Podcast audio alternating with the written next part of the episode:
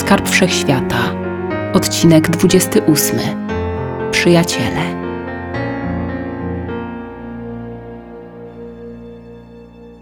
Zapoznawanie się ze stanowiskiem pracy pełnym nagromadzonego przez lata wojskowego sprzętu, którego opanowanie wymagało przeczytania wysokiego stosu instrukcji obsługi, zajęło pannie Schneider dużo mniej czasu niż innym śmiertelnikom i po upływie półtorej godziny jej chude, białawe palce przesuwały się już szybko po klawiaturach kilku pozostających pod jej nadzorem komputerów. Swojego organizmu nie była jednak w stanie zmusić do zbyt długotrwałego wysiłku i wkrótce pognała za potrzebami żołądka do stołówki. Okazało się, że otrzymany wcześniej identyfikator służy także do odbierania należnych posiłków. Wzięła dla siebie jedyne dostępne wegetariańskie danie i usiadła przy ostatnim wolnym stoliku, mniej więcej pośrodku sali, na wprost stanowiska dyspozytora jedzenia. Prawdziwe mnóstwo świetlówek rozpraszało naturalny dla podziemia mrok, a kilka równomiernie rozmieszczonych grzejników i ciepło bijące od kuchni pozwalało zapomnieć o zimie. Surowy bunkier wypełnił gwar spożywających śniadanie mężczyzn, kobiet i dzieci. Ludzie przechodzący obok przyglądali się Glory z ciekawością, zachowując jednak dystans. Cześć, nowa? Najwyraźniej nie wszyscy. Schneider uniosła wzrok i ujrzała dwie wyszczyrzone w najszczerszych uśmiechach młode twarze.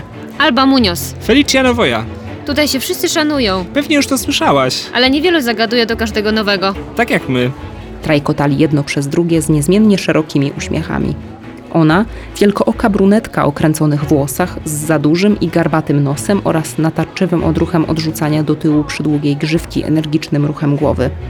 On, gładko ogolony chłopak w obcisłym t-shircie i ze złotymi łańcuszkami na szyi, z których zaczęła już miejscami zdzierać się farba.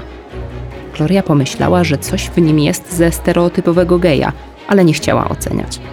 Przedstawiła się nieznanej, dziwacznej parze, jak tylko otrząsnęła się z pierwszego szoku wywołanego kontaktem z nimi. Skąd jesteś? Alba klapnęła na krzesło po drugiej stronie stołu i chwyciła plasterek marchewki z talerza nowej koleżanki. Z daleka. Z dystryktu 492. No, no, długa droga. Zdziwiony Feliciano usiadł obok swojej przyjaciółki. Gloria westchnęła i posmutniała. To była bardzo długa droga. Alba szturchnęła delikatnie kolegę. Co ci tu przywiało? Zapytała pogodnie. Schneider przełknęła kęs śniadania, po czym odłożyła widelec. Wgapiła się bezmyślnie w fakturę mebla. Wymordowano moją rodzinę. Mama przed śmiercią kazała mi przyjechać do D77, ale Musiała szybko coś wymyślić. Nie mogła od tak przyznać się, że szukała dziewczyny z kosą. ale nie wytrzymałam tam. Podobnie jak my. Feliciano przejechał dłonią po swoich płowych włosach. Ja zwijam z zakładu wychowawczego Alba z domu, jak zabili jej rodziców. Feli, przymknij się. Garbonosa brunetka odwróciła wzrok. Gloria dostrzegła, że dziewczynie chce się płakać, dlatego sprowadziła rozmowę na bardziej ogólne tory. Mm, Tutaj chyba każdy ma podobną historię. Umiotła znacząco oczami pomieszczenie pełne ludzi w przeróżnym wieku. Feliciano rozparł się wygodnie na swoim krześle i rzucił ukradkowe spojrzenie na swoje paznokcie. Po prawdzie to szukamy tu nie wiem czego. Część walczy, a część tylko czeka. Nagle rozległ się niezidentyfikowany hałas, dobiegający z za podwójnych drzwi prowadzących do kuchni. Dźwięki przedzierające się do stołówki przez gwar rozmów sugerowały, że do sąsiedniej sali wparowała grupa ludzi, a po ziemi przesuwano coś ciężkiego. Gloria nasłuchiwała ze zmarszczonymi brwiami, nie rozumiejąc. Feliciano pośpieszył z wyjaśnieniem. Czeka i zjada zwierzynę upolowaną przez innych. Wskazał kciukiem na kuchnię. Gloria spojrzała na swój talerz z sałatką i ucieszyła się na myśl, że nie leży na nim coś, co jeszcze niedawno biegało po lesie. Po chwili jej uwagę zwrócił ktoś inny. Przez szerokie, podwójne drzwi do jadłodajni weszła Lina Meron.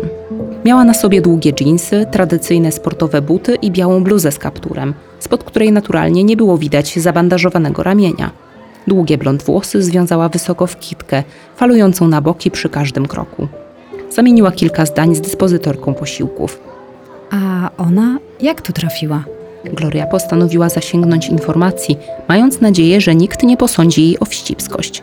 Lina jako jedna z pierwszych dołączyła do pierwotnych mieszkańców Ceterii. Mieszkała z matką w osadzie. Skończyła 16 lat i wzięli ją do wojska. Dlaczego? Dziewczyny? Gloria znała tę historię, ale pragnęła poznać trochę szczegółów z życia potencjalnej drugiej wybranej. Obserwowali ją od dawna. W szkołach dewastowała sprzęt sportowy, wyrzucano ją. Ale ona robiła to niechcący, za silna i tyle. Dobry materiał na żołnierza, jak widać. Ale ona nie da się zniewolić. Zabiła paru kolesi i zwiała, a za nią poszli następni. Alba uderzyła wysuniętym nadgarstkiem w skroń uwieszonego łańcuszkami towarzysza. Głupi konker ścigają za morderstwa, których nie popełniła. Nie wierzę, żeby zabiła tych żołnierzy. Przecież ją znamy. No co? Chcesz zrobić z niej sierotę, która nie umie się bić? Feli! Dobra, uspokój się już, skarbie. Osoba z morderstwami, z premedytacją na koncie, która na szlachetnych ludzi smętnych grobach znicz zemsty zapali. Zastanowiła się Gloria. Nie wiedziała, co o tym myśleć. Ale skoro tkwiła już w tej ceterii, to będzie tak czy inaczej musiała porozmawiać z Liną o skarbie wszechświata. Nie było planu B. Zresztą, tu każdy ma niejedno życie na sumieniu. Wpadłaś w wir wojny, choć... Choć nikt oficjalnie wojną tego nie nazywa. Zresztą, kto by się przejmował? No wiesz co, Albo? Do pogawędki wtrącił się z góry znajomy, elektryzujący głos, przemawiający z wyrzutem. Trajkotająca para umilkła, skurczyła się i zgodnym ruchem zerknęła w górę, Gloria wraz z nimi. Lina wpatrywała się w całą trójkę intensywnie lazurowymi, porażającymi oczami i bębniła palcami w gładki blat stołu, przy którym siedzieli. Wgryzła się w świeżo zdobyte w kuchni gigantyczne, soczyste jabłko. Gloria zastanowiła się, czy przypadkiem nie jest tak, że najzdrowsze kęsy mieszkańcy Cyterii celowo zostawiają swojej bohaterce. Feliciano, żeby udobruchać przybyłą, rozpromienił się na jej widok i zaprezentował dwa rzędy swoich równych zębów.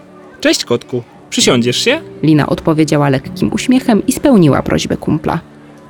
Wtedy Alba konspiracyjnie pochyliła się ponad stołem do Glorii i zaczęła szeptać wesoło. Uśmiecha się do niego, bo jest gejem. Normalnie to... Rozejrzała się po sali, mrużąc powieki. Wskazała ruchem gałek ocznych na Matiasa, stojącego przy jednym ze stołów w głębi sali. Gloria ukradkowo zmierzyła wzrokiem wskazanego chłopaka. Na oko starszy od Liny, wysoki, przystojny, ciemnowłosy, bardzo dobrze zbudowany. Niczego nie można mu było zarzucić, a na tle dorosłych, niedogolonych mężczyzn wokół naprawdę skupiał na sobie spojrzenia dziewcząt i kobiet. Widzisz tego przystojniaka? Matthias Gardner. Kilka razy do niej startował z miernym skutkiem. Każda inna to by... Słyszę, Albo. Ucięła stanowczo Lina, wyglądając za Feliciano. Eh, nie przejmuj się mną. Wyszczerzyła się brunetka, machając ręką. Gloria zachichotała. Ceniła sobie to, że powoli i ukradkiem wkręca się dokoła znajomych Liny. Dokończyła posiłek w miłej atmosferze, a następnie wstała, szurając krzesłem i mówiąc, Dzięki za towarzystwo, ale wracam do pracy. Widząc, że dwójka z tego towarzystwa nie kuma o co chodzi, dodała z dumą. Zaczęłam przeprogramowywanie pierwszego komputera. Przy pomocy sieci łącza satelitarnego spróbujemy namieszać trochę w szeregach wojsk D-77. Warto, żeby smok ugryzł swój własny ogon. To jakiś haker? Feliciano zwrócił się do wcale niezaskoczonej przywódczyni. Przyda się. Mm, To ja idę. Pożegnała się Schneider. Albo jeszcze nie? Padła gwałtownie z powrotem na siedzenie. Bo przy jednym z dwóch wejść do obszernej stołówki stała spotykana przez nią już nieraz kobieta. Ta sama nienaturalnie blada skóra, prawie tak samo jasne, długie, falowane włosy, szlachetne, nieskazitelne rysy twarzy, czarna sukienka z obręczami, złote kolczyki. Gloria nie widziała z daleka oczu, ale wiedziała, iż mają fantazyjny, złocisty kolor. Znajoma, a wciąż tajemnicza istota stała w takim miejscu, że bez zbędnych manewrów głową dziewczyna mogła porównać obie obecne na sali piękności. Inne, niepodobne do siebie, ale tak samo zachwycające, zewnętrznie idealne, odgrodzone od szarego tłumu otoczką bijącej od nich niezwykłości.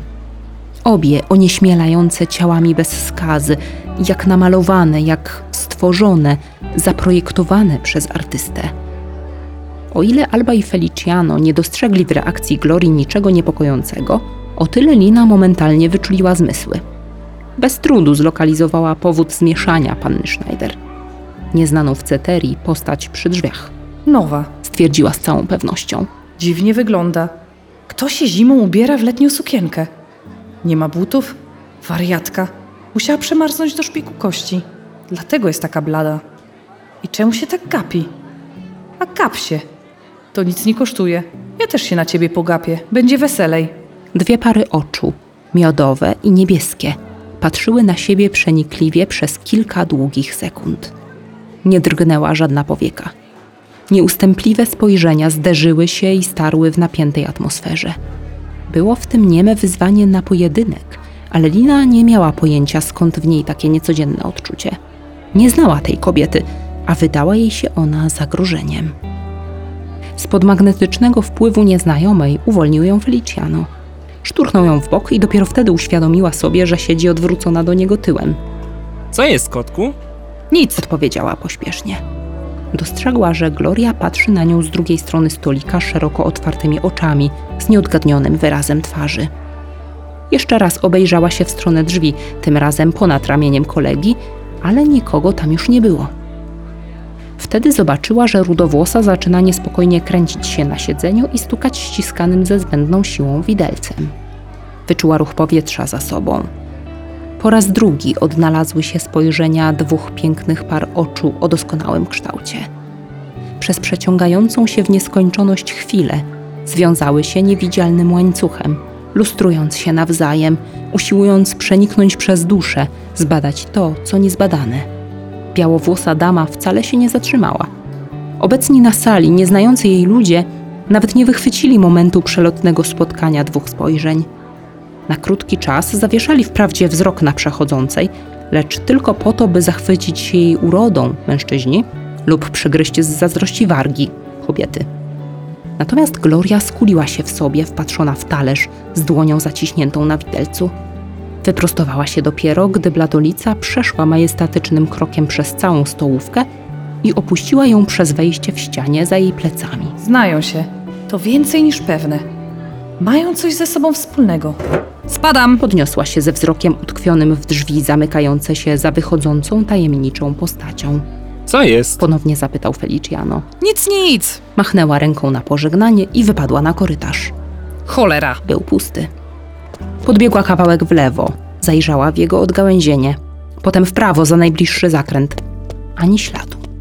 Nagle spod sufitu odezwał się głos, bełkoczący coś jakby w obcym języku, ale tak dziwacznie brzmiącym i nieskładnym, że aż trudno było sobie wyobrazić, żeby był to rzeczywiście jakiś język. Lina spojrzała w górę, bez wysiłku lokalizując źródło dźwięku swoim wyostrzonym zmysłem słuchu. Korytarz 16, prowadzący do stołówki z sektora A, był jednym z wyższych w podziemiach Ceterii. Miał belkowany strop. I na jednej z tych dorodnych drewnianych belek siedziała poszukiwana kobieta i machała bosymi nogami okrytymi białą skórą. Rozdrażniona Lina chwyciła się pod boki i spojrzała na nią gniewnie. Wariatka? Co ona ględzi? Zobaczyła, jak nieznajoma wypuszcza z rezygnacją powietrze z płuc i kręci głową ze smutkiem w złotych oczach. Po chwili kobieta odezwała się ponownie, już zrozumiale, choć z obcym akcentem. Chodź, Lina. Super! Zna pani moje imię, ale ja pani nie znam. Po imieniu. Marin. Z delikatnie zarysowanym uśmiechem poprosiła białowłosa, spoglądając na nią z góry i nie przestając wymachiwać szczupłymi nogami. Dobra, w takim razie, Marin, jak mam tam wejść? Uznała, że nie zaszkodzi poudawać głupią. Możesz. Zastanowiła się, skąd mógł się wziąć taki dziwny akcent i takie krótkie wypowiedzi. Przecież już nawet najmłodsze dzieci znają język uniwersalny, obowiązujący w całym współczesnym świecie. Nie mogła rozgryźć tej całej Marin, postanowiła jednak spełnić jej prośbę. Z łatwością odbiła się od betonowej podłogi, chwyciła za krawędź zawieszonej trzy metry nad podłożem belki i nie zważając na opatrzoną ranną rękę, podciągnęła się do góry, by usiąść obok zapraszającej ją kobiety. Czego ode mnie chcesz? Ty przyszłaś. Patrzyłaś na mnie. Ty na mnie. Lina wywróciła oczami. Postanowiła zadać jakieś konkretne pytanie, aby i odpowiedź była konkretna. Skąd znasz Glorię? Uśmiechnęła się złośliwie. Celowo nie rozpoczęła od czy, aby od razu przyprzeć rozmówczynię do muru. Ta jednak nie zmieszała się, nie mając nic do ukrycia. Mm, Pomóc jej parę razy. Odniosłam wrażenie, że ona się ciebie boi. Marin zrobiła potulną minę i odrzekła słodko: Nie musi bać. Nie skrzywdzę. I ciebie nie. Was nie. Kim ty właściwie jesteś? Skąd przybywasz? W końcu padły pytania, na które złoto oka nie mogła odpowiedzieć.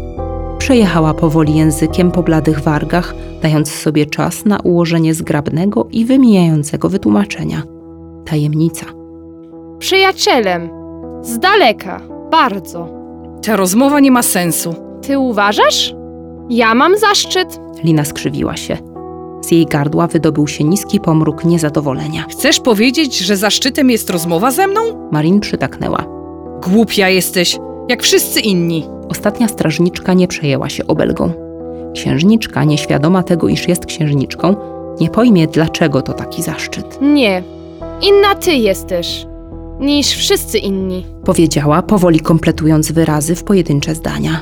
Blondynka odrzuciła do tyłu głowę i zmrużyła oczy. Nie przywalę jej, nie przywalę. Powtarzała w myślach, żeby się uspokoić. To, że jestem trochę silniejsza i sprawniejsza od innych, można nazwać jedynie szczęściem, choć dla mnie bywa to przekleństwem. Marin posmutniała. Nie tak mów. Inna jesteś. Spotkasz podobnych, ale jesteś inna. Zeskoczyła niespodziewanie na ziemię. Lepsza. Dodała, zanim zniknęła za zakrętem. Kurde, dlaczego jeszcze tu siedzę? Wkurzyła się na siebie Lina i poszła w ślady Marin. Z ciekawości wyjrzała za nią z za ściany. Cholera! Korytarz był pusty.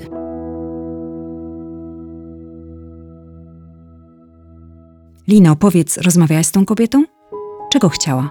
Czarne źrenice w zielonkawych tęczówkach Glorii poszerzyła autentyczna ciekawość. Co ty tu robisz? Blondynka podparła ramieniem ścianę przy drzwiach do swojej siedziby, gdzie spotkała koczującą Schneider. Czekam na ciebie. Świetnie. A może byś tak wróciła na swoje stanowisko pracy w centrum technicznym, co? Poprosiłam o 10 minut przerwy. Chciałam z tobą porozmawiać. Lina wywróciła oczami. Znasz Marin? Nawiązała do sprawy białoskórej dziwaczki. Ja tak jakby nie znałam do tej pory jej imienia, ale uratowała mi życie i to nie raz. Tyle, że tajemnicza jest.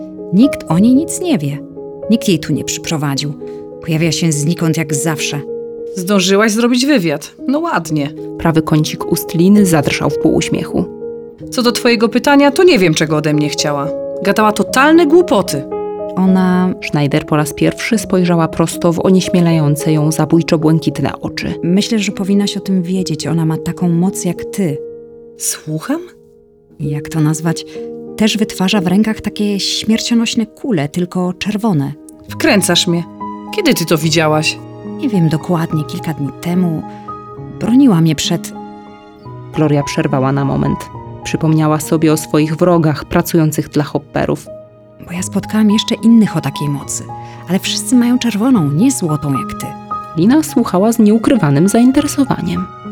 Przechyliła głowę na bok, uniosła brwi, zamrugała kilka razy, zamyślona. Czyli nie jestem sama. A tamta mi ględzi o mojej inności. Stuprocentowa wariatka. Czemu się mnie uczepiła? Lino! Z głębi korytarza wyłonił się nagle pędzący zasapany nastolatek, który niósł niedobrą nowinę. Wojsko przechwyciło grupę szkoleniową młodzieży z Milejem. 4 kilometry na północ, stąd! Cholera! Gloria nie zdążyła zaczerpnąć oddechu, a blond kitka już zniknęła w czeluściach podziemnych tuneli. Panna Meron z powrotem zamieniała się w dziewczynę z kosą.